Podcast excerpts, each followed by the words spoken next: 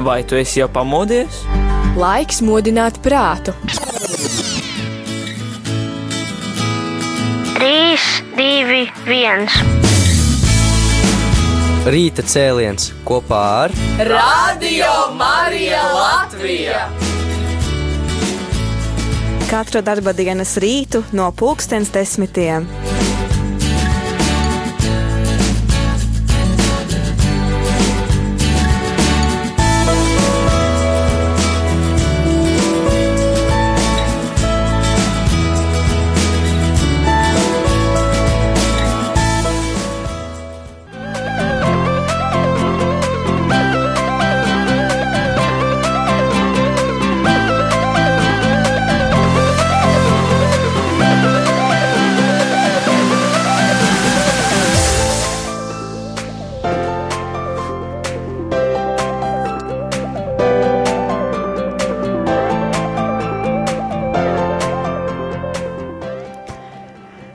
Kristus augšām cēlies, Darijas radio Marija, Latvija klausītāji.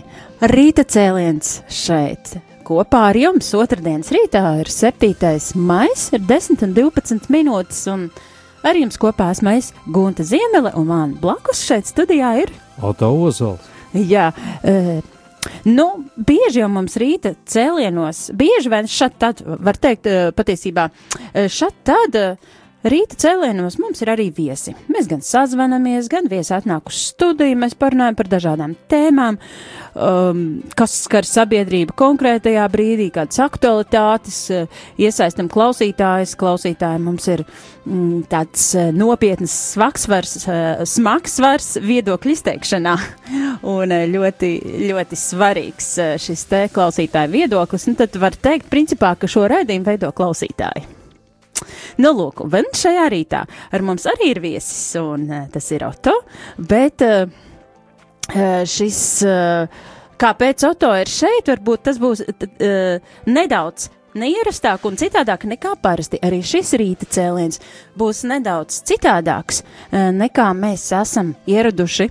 Un šajā reizē es jūs, darbie klausītāji, nemudināšu zvanīt, izteikt viedokli, un jūs droši vien tagad sēžat tur otrā pusē pie aparātiem vai savos telefonos klausties vai datoros un domājat, oh, tas nu gan ir labi, nebūs mana sirdsapziņas pārmetumi, ka neuzraksta, vai ne? Jā. Nu, lūk, nebūs jāraksta, bet noteikti esat aicināti ļoti sirsnīgi klausīties, klausīties to, ko es šodien lasīšu. Un ko tad es lasīšu? Par to arī Oto pastāstīs. Un Oto arī pastāstīs, kāpēc viņš ir šeit un kāpēc es lasīšu kaut ko, kurš uh, klausītājiem īpaši šajā reizē nebūtu jāiesaistās. Nu, var iesaistīties vienmēr, protams, bet nav obligāti. Jā, labrīt, klausītāji! Sākšu ar īpašu paziņojumu, svarīgu paziņojumu, lai izskaidrotu situāciju, kāpēc es patiešām esmu šeit. Kā jūs varbūt esat ievērojuši, ka jau ilgāku laiku, manuprāt, jau vairāk kā gadu reizi mēnesī es nāku uz radio studiju kalpot, lasu paša sagatavotos aizvadītā mēneša notikuma apskats. Tas parasti notiek pirmdienās, un tā tam vajadzēja arī notikt šajā pirmdienā, bet te ir viena nianse, kas ir saistīta ar vēlēšanu tošanos. Uh, Pie jums es jūs parasti uzrunāju kā Oto Ozols, bet man ir jāsaka, jāatklāj patiesība. Oto Ozols ir mans literārais pseidonīms. Oficiāli mans vārds ir Mārtiņš Barkovskis, un šajās Eiropas parlamenta vēlēšanās es kandidēju kā Latvijas reģiona apvienības kandidāts Mārtiņš Barkovskis. Un likums nosaka, priekšvēlēšana likums nosaka, ka noteikti laika pirms vēlēšanām deputāta kandidāti nedrīkst vadīt raidījumus. Un te mazliet sanāk tā, tā kā pretruna raidījumā. Es vienmēr sev saucu par auto ozolu, un es to uzskatu nevis par vadīšanu, bet par kalpošanu. Un es varētu likumsargiem droši teikt, tas ir auto ozols, un es kalpoju, un, un, un neko nezinu. Uh, Bet nu, kristiešiem nepienākās tā blēdīties, izmantot likumus, praugas, apiet uh, citus konkurentus tādā mazliet slīpā veidā. Um, tādēļ es sagatavoju šo raidījumu bet uh, es viņu nevadīšu. Es atstādinu sevi, jo mēs esam likuma paklausīgi cilvēki, un mēs nemanipulēsim ar likumu. Un, un tādēļ es uzticēju sagatavot to mēnešu, aprīļa mēnešu svarīgāko notikumu apskatu Guntai Ziemelē, un viņi to darīs manā vietā. Bet, mīļie klausītāji, neskatoties uz politiku, neskatoties uz vēlēšanām, Es biju un būšu ar jums, un es turpināšu kalpot arī pēc vēlēšanām ar jums, neskatoties uz to, kur es tajā brīdī atradīšos. Mana sirds ir ar jums, mana sirds ir ar Latviju.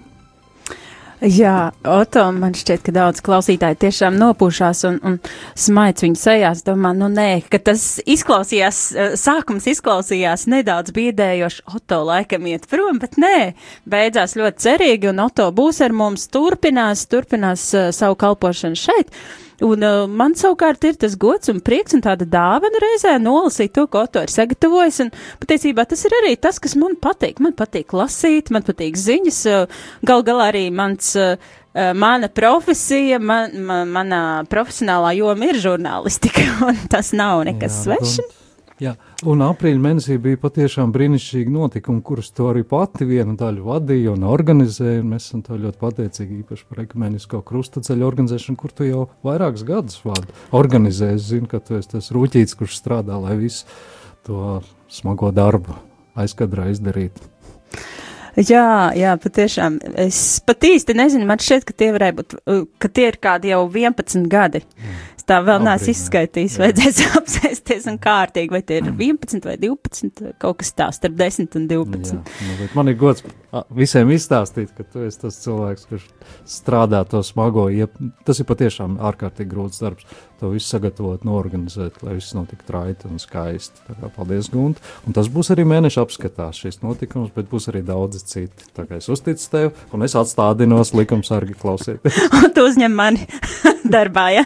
Tu atstādinies. jā, bet tā, jā, es patiesībā tā ir mana kalpošana. Jā, jā, protams. Mm, un, tas un, bija joks, jā. Mm. Jā, šoreiz es atstādinos. Labi. Jā, paldies tev, liels. Svētīga diena un svētīgs raidījums, Gunta. Jā, paldies. paldies. Mēs savukārt uzliksim mūziku pirms sākam šo lasīšanu un, un ziņu apskatu, un tad jau pēc īsa mirklīša tiekamies, dargais rādījuma arī klausītāji.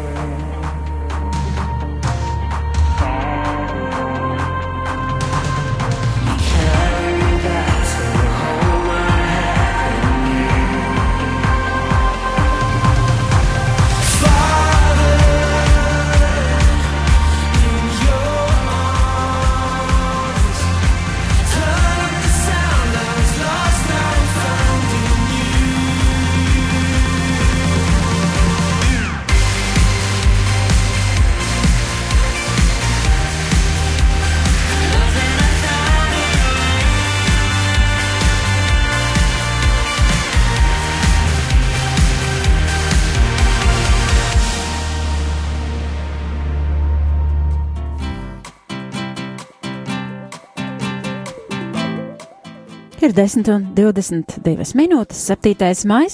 Ar jums kopā Gunta Ziemele, rīta cēliens, bet eh, šajā reizē mazliet citādāk. Um, mēs apskatīsim svarīgākos notikumus, kas ir notikuši, kas ir bijuši aprīļa mēnesī, un šos notikumus parasti sagatavo Oto Ozols. Arī šoreiz Oto Ozols ir sagatavojis visus svarīgākos notikumus, ko esam izdzīvojuši un pieredzējuši aprīlī. Um, šoreiz uh, notikuma apskats ir citā laikā un citā vietā. Parasti tas ir pirmdienās piecos, kā jūs zināt, un šoreiz esam to ietvēruši uh, rīta cēlienā otrdienā, un es nolasīšu to, ko Oto ir sagatavojis, jo pats Oto gatavojās uh, parlamenta vēlēšanām un, un kandidē tajās. Līdz ar to pēc likuma viņš arī nedrīkst vadīt raidījumus. Uh, pagaidām, un um, tād, tādu tīru, skaidru sirdi Oto ir devies ceļā, un es zinu, ka Toto klausies sveiciens tev, lai tev saulaina diena, un uh, priecīga ar Jēzu kopā. Un uh, mēs savukārt uh, ķersimies pie notikumu apskates.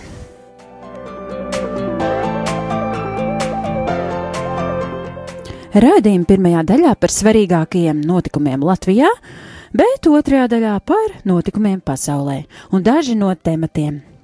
Atskatīsimies uz lieldienu pasākumiem Latvijā, atcerēsimies, kāpēc Rīgā tika slēgts tilts un kādi ir jaunumi korupcijas sērgā Rīgas pilsētā. Atgādināsim arī par bīstamo notikumu Rīgas lidostā. Tā nu līdzīgs Maskavā izdzēs 13 cilvēku dzīvības pirms pāris dienām. Runāsim arī par iecerēto reģionālo reformu Latvijā un atcerēsimies arī nozīmīgākos notikumus pasaulē. Ugunsgrēka Parīzes Dievmātes katedrālē, šausmīgos teroristu uzbrukumus Šrilankā, prezidenta vēlēšanas Ukrānā un arī citus būtiskus notikumus.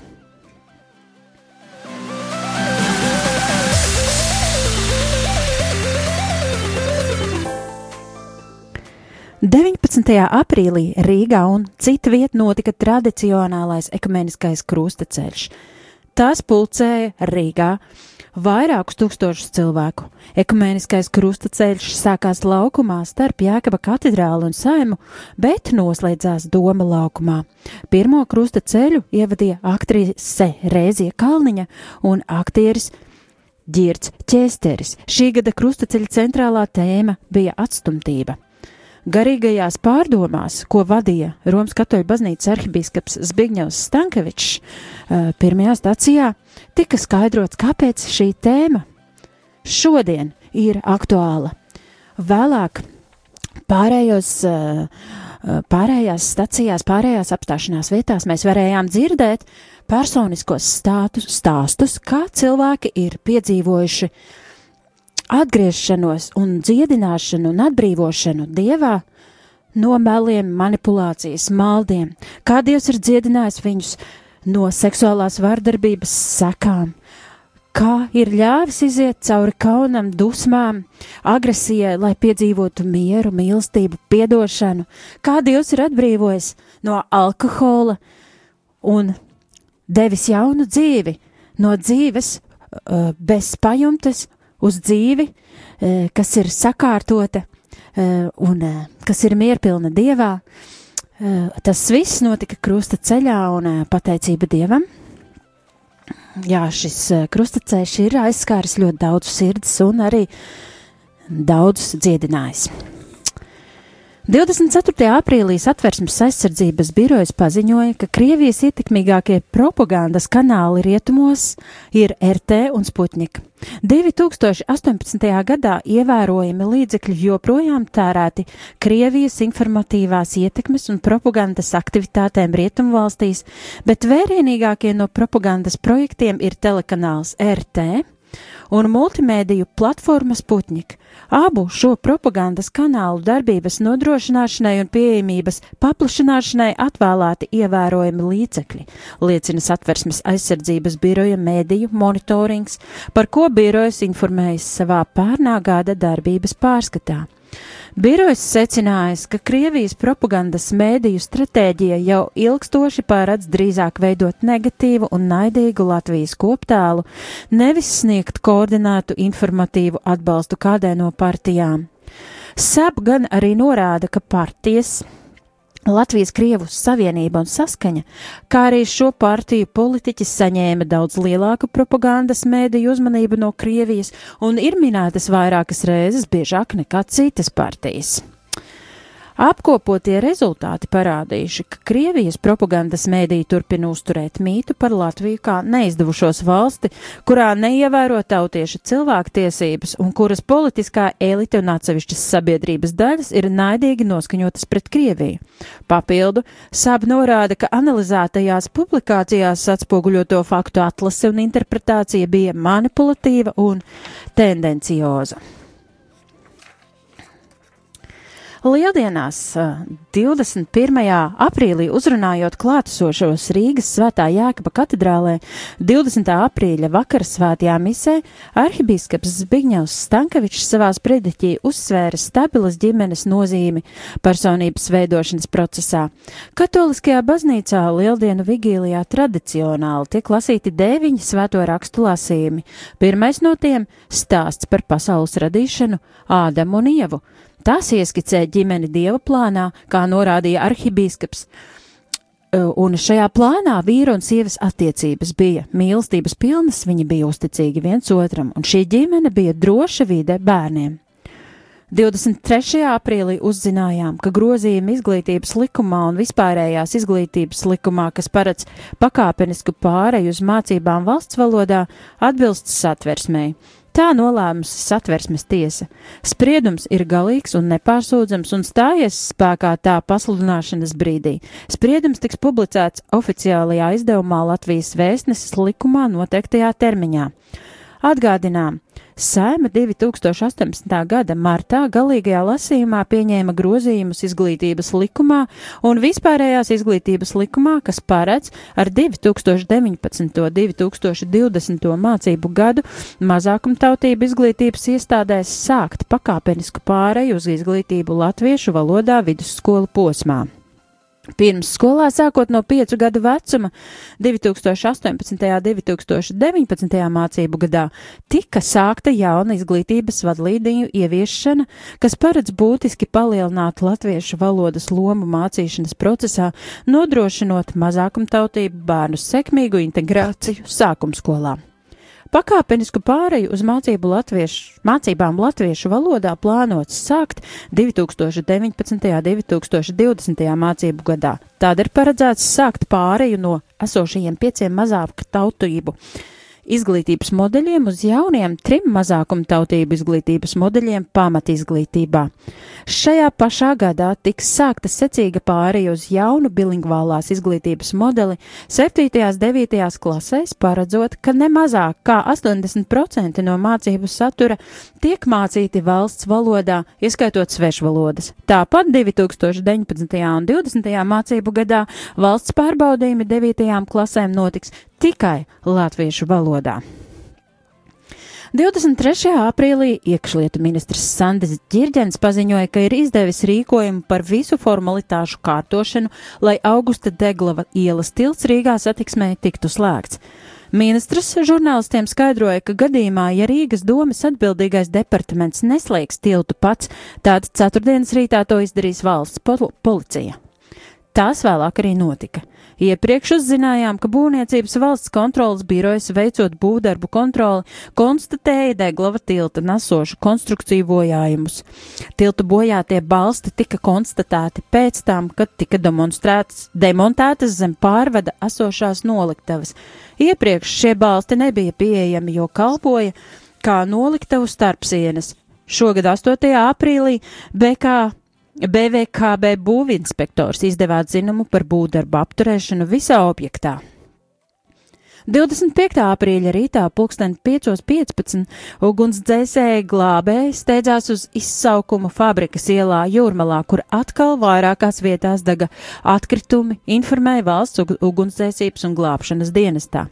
Atgādinām, ka jau agrāk 2017. gada 18. jūnijā pēcpusdienā Jūrmalā slokas apkaimē izcēlākus ugunsgrēks kādā teritorijā, kur bez atļaujas tika glabāts liels daudzums plastmasas atkritumu. Tie dega 12 tūkstoši kvadrātmetru jeb 1,2 hektāru platībā. Ugunsgrēkam tika noteikta paaugstināta bīstamība. Izgāstuvē bija uzkrāts aptuveni 23 tūkstoši tonu atkritumu, lēsa valsts vides dienests. Ugunsgrēka vietā atrastas arī baterijas, elektrības vadi un aerosolu pudeles. Pēc etiķetēm tika noteikts, ka atkritumi visticamāk ievesti no Zviedrijas.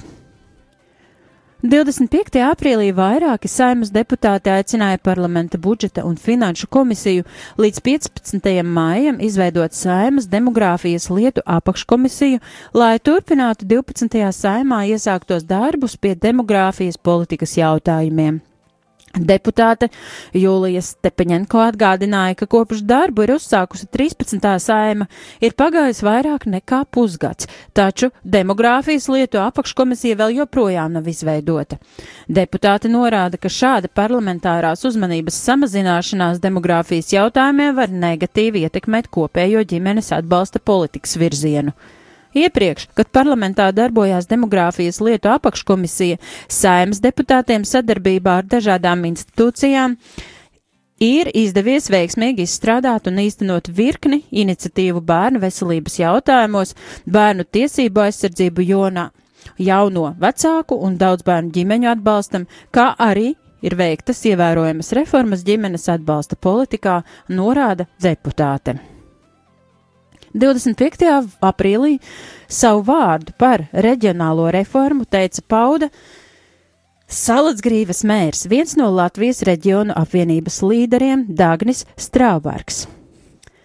Viņš sacīja, vides aizsardzības un reģionālās attīstības ministra Jūra Pūces ziņa, ka vietvaru vēlme noskaidrot novada iedzīvotāju domas par administratīvi teritoriālo reformu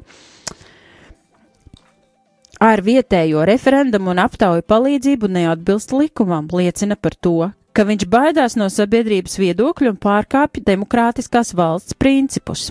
Šādu pozīciju viņš apliecināja portālam Delfi.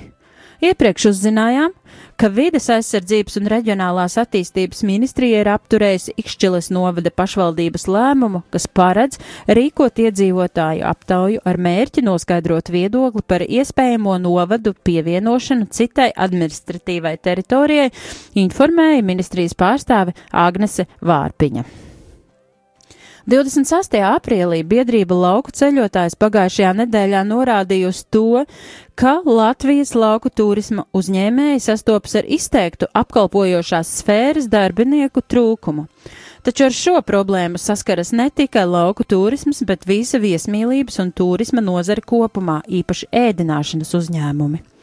Biznesa augstskolas turības starptautiskā turisma fakultātes docētāja Margarita Platece norādīja, ka darbinieku trūkumu radījuši vairāki aspekti - augstās darba kvalitātes prasības, atalgojums, kas nevienmēr ir konkurētspējīgs ar ārvalstīs piedāvāto, un tas, ka ne visi darba meklētāji ir gatavi intensīvi strādāt.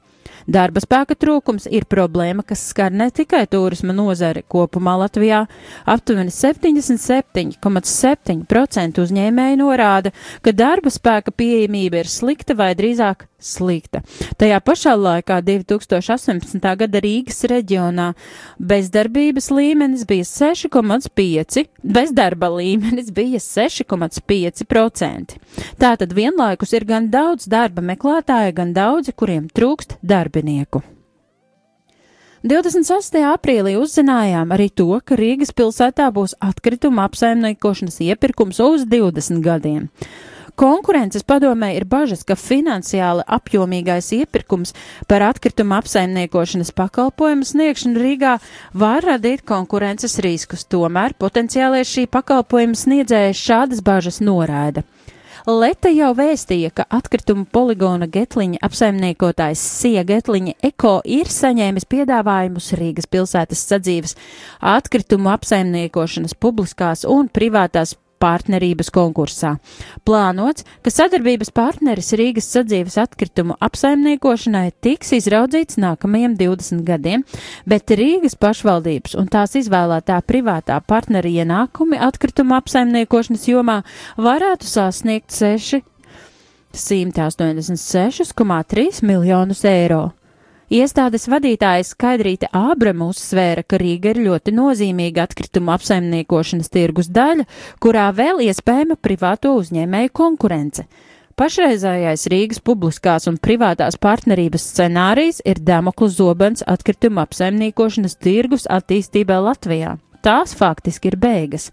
Paredzams, ka bezkonkurences pakalpojumi ilgtermiņā kļūtu tikai dārgāki, ko izjutīs ik viens galvaspilsētas iedzīvotājs, viņa sacīja. 26. aprīlī starptautiskajā lidostā Rīga paaugstinātas drošības apstākļos nolaidusies līdzsabiedrības Aeroflot lidmašīna Sukhoi Superjets 100, pastāstīja lidostas pārstāve Laura Karnīte. Lidosta saņēmusi ziņojumu no lidmašīnas par tehniskām problēmām un tā nolaižoties tika sagaidīta pēc augstākajām drošības prasībām. Lidojumu izsakošanas portālā FlightWare.com pieejamā informācija liecina, ka lidmašīna no Rīgas uz Maskavu izlidoja pulksten 14.25, bet aptuveni virs Rēzeknes tā strauji samazināja augstumu no 10 km līdz 3 km, apgriezās un devās atpakaļ uz Rīgu. Jāpiebilst, ka vakar Maskavā līdzīgi neilgi pēc izlidošanas atpakaļ atgriezās tāda pati lidmašīna. Nosēžoties tā aizdegās un bojā gāja vairāk nekā 40 cilvēki, tā skaitā arī divi bērni. 28. aprīlī partija KPVLV un tās saimas frakcija pat laban ir pašķīdusi. To atzina kopsapulcē KPVLV saimas frakcijas vadītājs Ātis Zakatistovs. Zakatistovs uzrunāja un sacīja, ka uzrunā sacīja, ka iespējams cits partijas līderis Artus Kaimiņš nokritizējis frakcijas darbību, un to viņš acīm redzot adresēja man. Viņa prāt partijai vajadzīga komanda, nevis vienpersonisks līderis, jo viņš ir pamanījis, ka partijas saimas frakcija krīt un ceļas par darbiem, lai gan paralēli tam arī ir manāmas šķeltniecības pazīmes, ko noteikti neorganizē tā dēvētā partijas opozīcija. 28. aprīlī Mūžībā devies kādreizējais Valmieras un Daugopils teātra aktieris Valdemārs Kārpačs. Portālam Delfi apstiprināja Valmieras teātra pārstāvi. Kārpačs Valmieras teātrī ienāca 1978. gadā līdz ar saviem kursabiedriem Latvijas konservatorijas teātra fakultātes Valmieras teātra aktieru kursu, ko vadīja režisora Māra Ķimele. Spilgtas vadošās lomas Karpačs Valmieras teātrī nospēlēja 80. gados, no tām īpaši jāizceļ Edmonda Rostānas Sirano de Beržereks un leģendārā Raiņa Daugava, kurā pirmoreiz tieši Karpača dziedājumā izskanēja himniskā Mārtiņa Brauna Saule, pērkons Daugava. Abu iestudējumu režisors Valentīns Maculēvičs. 29. aprīlis. Korupcijas novēršanas un apkarošanas birojas konstatējis, ka pastāv pamatotas aizdomas, ka notikuši noziedzīgi nodarījumi saistībā ar konsultāciju līgumiem, kas slēgti uzņēmumā Rīgas satiksme. Pirmdien Latvijas televīzijā sacīja knab vadītājs Jākaps Straume. Fiktīva nodarbinātība, iespējama krāpšana, dokumentu viltošana, iespējamos pārkā, pārkāpumus LTV uzskaitīja Straume, sakot, ka šādu gadījumu ir 11. Tālākā izmeklēšana ir policijas kompetencē, sacīja Straume. Jau ziņots, ka raidījums vēstīja pēdējos trīs gados konsultāciju līgumi noslēgti ar vairāk nekā 60 cilvēkiem, un 28 no viņiem tieši vai pastarpināti saistīti ar partiju saskaņa Nilu Ošakovu, Nilu Ušakovu vai Rīgas domes struktūrām, kur strādājošie par konsultantu darbu saņēmuši teju 600 tūkstoši eiro. 29. aprīlis Rēzeknes novada pašvaldība aicina savus kaimiņus Rēzeknu un Viļānu novadu veido darba grupu plānotās administratīvi teritoriālās reformas izvērtēšanai, informēja domē. Lēmums par vidas aizsardzības un reģionālās attīstības ministrijas informatīvā ziņojuma par sabiedriskai apspriešanai izvirzāmo administratīvi teritoriālā iedalījuma modeli izvērtēšanai nepieciešamo darbu grupu pieņemts domes sēdē. Plānots, ka darba grupu apvienos visu trīs pašvaldību attiecīgo jomu speciālisti. Jau vē, vēstīts, ka varam izstrādāt ka varam izstrādātā karte paredz pašvaldību skaitu samazināt no 119 līdz 35. Platības ziņā lielākās ir Liepājas un Madonas pašvaldības. Ministrijas piedāvātajā kartē tās attiecīgi aptver 3656,93 un 3347,35 kvadrātkilometrus plašu teritoriju. Pēc iedzīvotāju skaita lielākās pašvaldības atbilstoši šai kartē būtu Daugopils, Rīga un Liepāja. Visās šajās vietverās dzīvotu vairāk nekā 100 tūkstoši cilvēku. Rēzeknes novadu plānots apvienot ar Rēzekni un Viļānu novadu. 30. aprīlis. Satversmes aizsardzības birojas atteicis piešķirt saimas deputātam Aldim Gobzemam speciālo atļauju darbam ar valsts noslēpuma objektu, par to ziņo pats politiķis. Jau ziņots, ka februārī sab vēl par trim mēnešiem pagarināja termiņu pārbaudēju par pielaides piešķiršanu Gobzemam. Govzemam pielaide bija nepieciešama, lai strādātu Saimas Nacionālās drošības komisijā, kurā viņš pārstāvēja partiju KPVLV, taču Govzems tika izslēgts no partijas, līdz ar to no komisijas viņš tika atsaukts. Jau iepriekš Gobzems bija diezgan pārliecināts, ka pielaidi valsts noslēpumam nesaņems, tāpat viņš arī paud, paudis gatavību saņemot atteikumu šo lēmumu pārsūdzēt.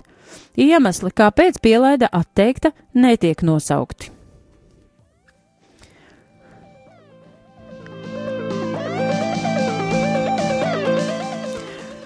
Un tagad laiks muzikālajai pauzai.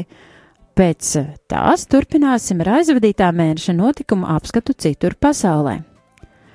Atgādinu, ka šoreiz rīta cēlienā apskatām notikumus, kas aprīļa mēnesī ir bijuši Gan pasaulē, gan Latvijā šos notikumus ir sagatavojis Oto Ozols, un parasti jūs tos dzirdat pirmdienās, pulksten piecos.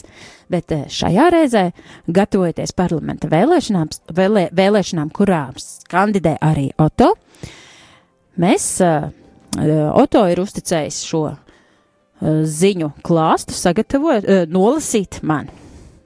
Jā, Oto ir sagatavojis, un es to nolasu. Un tagad, uh, tagad mūzikas pauze. Bye.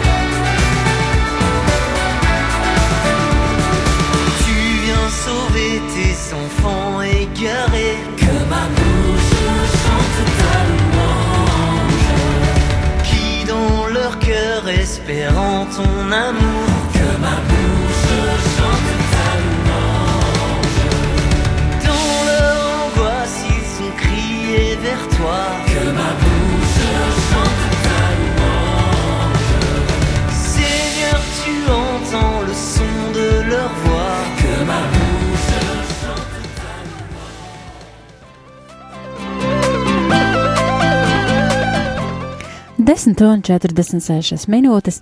Šorīt otrdienā rīta cēlienā notikuma apskats aprīlī Latvijā un pasaulē.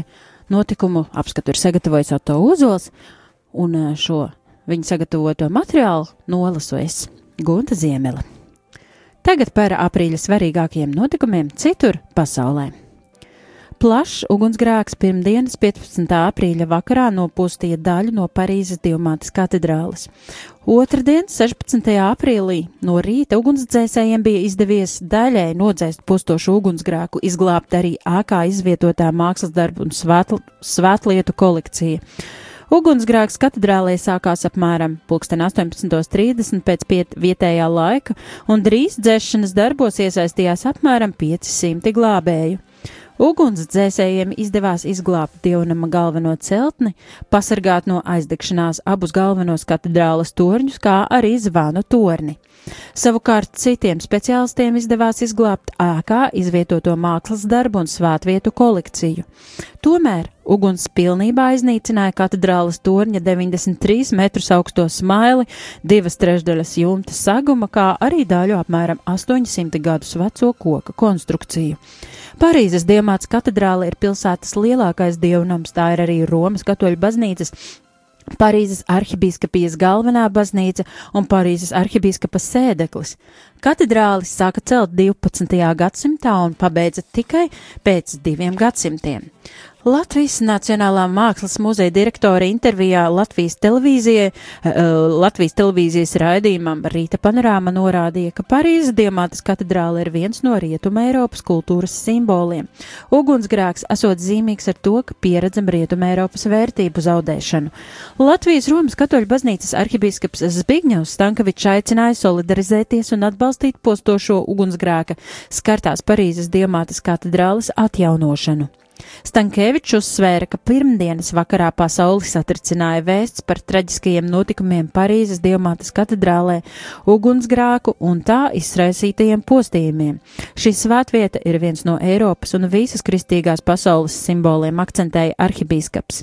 Viņš norādīja, ka šis notikums ir dziļi skārs ne tikai kristīgo sabiedrību, bet arī ikvienu cilvēku, kam dārgs mūsu kontinenta garīgais un kultūras mantojums.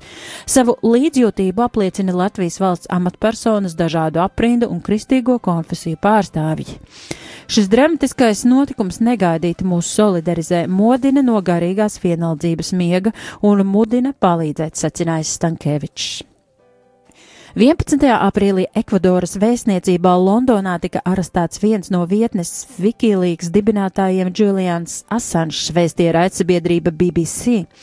47 gadus vecais Asanžs Ekvadoras vēstniecībā patvērās pirms septiņiem gadiem, lai izvairītos no viņa izdošanas Zviedrijai, kur pret viņu bija ierosināta lieta krāt pret aizdomās turamo izvarošanā. Pērn šī lieta izbeigta. Asanžs baidījās, ka Zviedrija varētu viņu izdot ASV.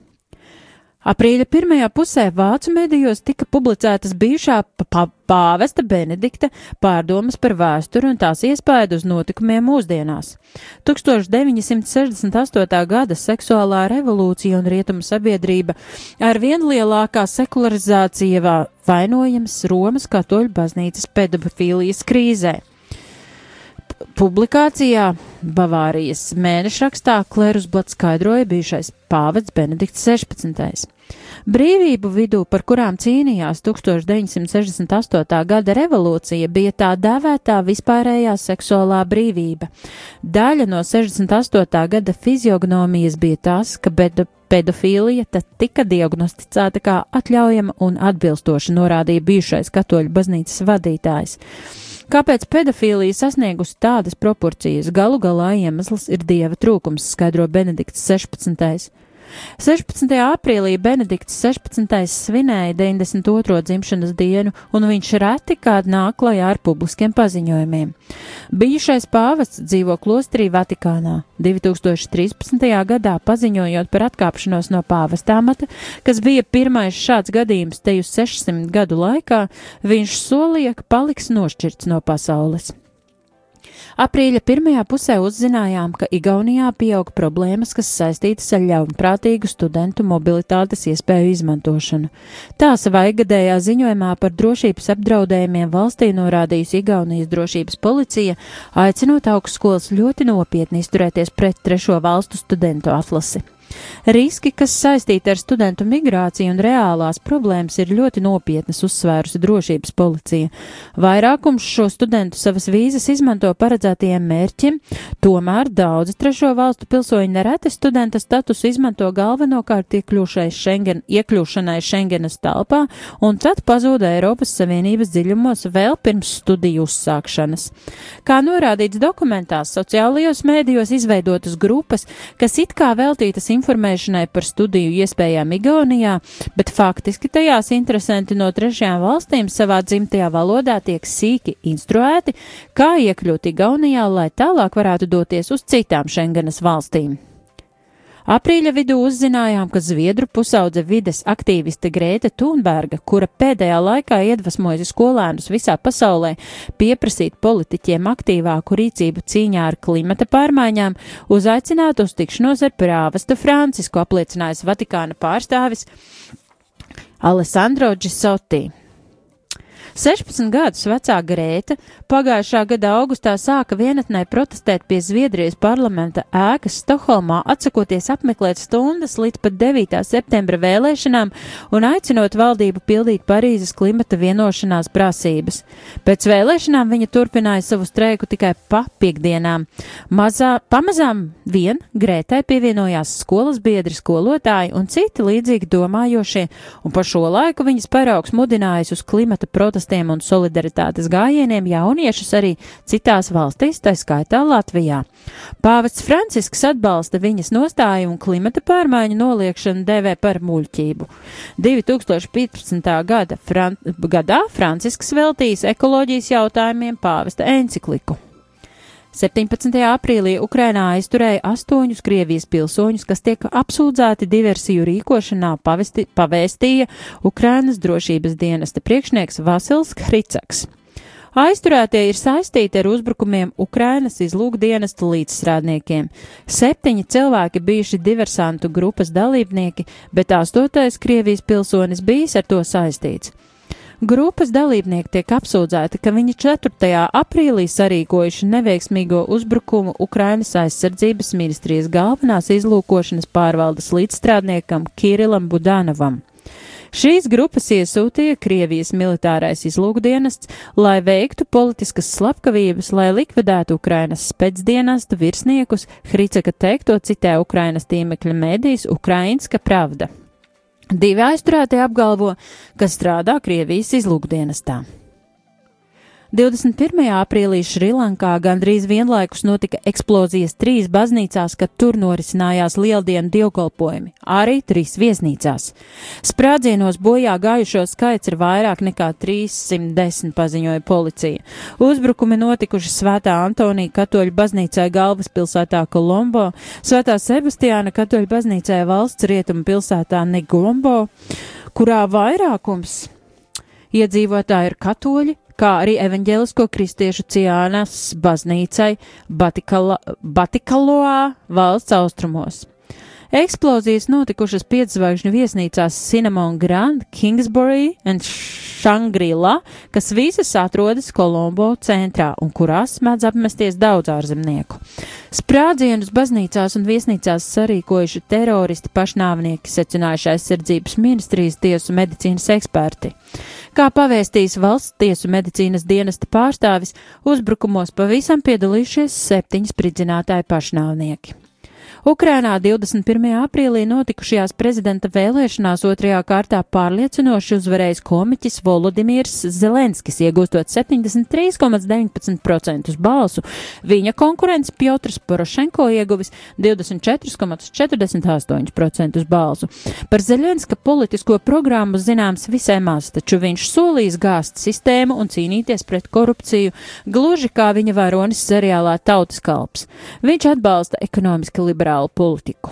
Zelenskis savā priekšvēlēšana programmā sola lielāku tiešo demokrātiju, prezidentā mata ieņemšanu tikai vienu termiņu, referendumus par būtiskiem jautājumiem un plāniem, kā arī sola atcelt likumdevēju, tiesnešu un paša prezidenta imunitāti pret kriminālu vajāšanu. Kampaņas laikā Zelenskis izteicies, ka vēlētos, lai Ukraina kļūtu par Eiropas Savienības un NATO dalību valsti, taču tas nenotiktu bez labvēlīgu Ukraiņu balsojuma referendumā. Priekšvēlēšanu laikā Zelenskim tika pārmests pieredzes trūkums un populisms. Volodīmirs Zelenskis dzīvis 1978. gada 25. janvārī Krivirjihas ekonomikas institūta profesora ģimenē. 17 gadu vecumā uzsāka šaubiznesa karjeru, līdztekus studēja tieslietas Kievas Nacionālās ekonomikas universitātes Krivirjihas ekonomikas institūtā. 98. gadā popularitāti kopā ar studijas kvartāla 95 komandu. Filmējies dažādos televīzijas šovos un komēdijās, bija seriāla rādu būšana producents. Aprīlī pirmo reizi Krievijā ieradās Ziemeļkorejas diktators Kimu Čenuns. Krievijas prezidents Vladimirs Putins pēc samita ar Ziemeļkorejas līderi Kimu Čenunu izteicās, ka Phenjanai nepieciešams drošības garantijas, lai panāktu, ka tā pārstāja attīstīt savu kodolu programmu, raksta Britu raidsabiedrība BBC. Kims Čenuns tikšanos ar Putinu raksturoja kā ļoti nozīmīgu. Putins izteicās, ka Kims bijis visai atvērts un brīvi runājis par visiem jautājumiem, kas bija iekļauti samita dienas kārtībā. 25. aprīlī tika ziņots, ka mazāk kā 40% eiropiešu zina, ka Eiropas parlamenta vēlēšanas notiks maijā, un tikai 5% var nosaukt precīzus datumus, liecina ceturtdien publiskotā aptauja. Eiropas parlamenta vēlēšanas notiks no 23. līdz 26. maijam. Saskaņā ar aptauju, ko veicis Eiropas parlaments un uzņēmums Kantar Public, 38% eiropiešu, izņemot Britus, marta sākumā zināja, ka Eiropas parlamenta vēlēšanas notiks maijā. Tomēr aptaujas rezultāti liecina, ka liels vairākums eiropiešu atbalsta savas valsts dalības Eiropas Savienībā proti 61% 27 dalību valstīs izņemot Lielbritāniju. Tik liels atbalsts dalībai Eiropas Savienībā nav bijis kopš Berlīnes mūra krišanas 1989. gadā vai Māstrihtas līguma noslēgšanas 1992. gadā. 30. aprīlis Krievijas Rostovas apgaba, apgabala Novošahtinskā atvērts pirmais Krievijas pasu izsniegšanas punkts Krievijas kaujinieku kontrolēto Ukrainas teritoriju iedzīvotājiem, ziņo aģentūra Interfax. Vēstīts, ka 24. aprīlī Krievijas prezidents Vladimirs Putins parakstīja rīkojumu, kas paredz atvieglotu Krievijas pilsonības piešķiršanas kārtību, proklamiskoja kaujinieku kontrolētās Ukrainas daļas iedzīvotājiem. Krievu pasu kārtotājiem nebūs nepieciešama uzturēšanās vai dzīvošanas atļauja Krievijā, kas parasti ir nosacījums pilsonības pieprasītājiem. Putina lēmumu kritizē Ukrainā, Eiropas Savienībā un ASV. Krievijas pilsonības piešķiršana Donbasa iedzīvotājiem ir pretrunā centieniem noregulēt konfliktu Donbasā, paziņoja šīs valstis. Jaunievēlētais, bet vēl amatā nestājies Ukrainas prezidents Volodimirs Zelenskis pauda šaubas, vai Ukraiņi vēlēsies saņemt pases no valsts, kurā netiek ievērotas cilvēku tiesības un brīvība. Viņš arī pauda gatavību piešķirt Ukrainas pilsonību krieviem, kas vēlas cīnīties par brīvību kopā ar Ukraiņiem. 30. aprīlis. Igaunijā 30. aprīļa vakarā no amata atkāpās IT un ārējās tirzniecības ministrs Martī Kūziks, kurš tiek turēts aizdomās par vardarbību ģimenē, vēsta portāls Delfie. Kuziks savā paziņojumā presē norādīja, ka pret viņu vērstās apsūdzības nav patiesas. Saskaņā ar mediju ziņām Kuziks gadiem ilgi fiziski un morāli terorizējis savu bijušo sievu. Kā raksta izdevums Eesti Express, par viņa agresīvo uzvedību ģimenē stāstījuši vairāki cilvēki, kas viņa ģimene personiski labi pazīst. Jau vēstīts, ka Igaunijā ierosināta krimināla lieta, lai pārbaudītu ar ministru iespējamo vardarbības saistīto informāciju. Pats Kūziks, kas pārstāv valdošajā koalīcijā, ietilpstošo konservatīvo tautas partiju, paziņojis, ka pret viņu vērsta informācijas kampaņa, kas sākusies tieši tad, kad kļuvis zināms, ka viņš izvirzīts ministrā amatam. Ar to arī skan šīs ikmēneša svarīgāko notikumu apskats. Paldies jums, dārgie radio, Marija Latvija klausītāji, ka uzmanīgi klausījāties. Šo ikmēneša apskatu, kā jau parasti, sagatavoja Oto Ozols, bet sakarā ar Eiropas parlamenta vēlēšanām, kurās kandidē arī Oto, šo ziņojumu, ko sagatavojas viņš, nolasīju es rīta cēlienā. Radio Marija Latvija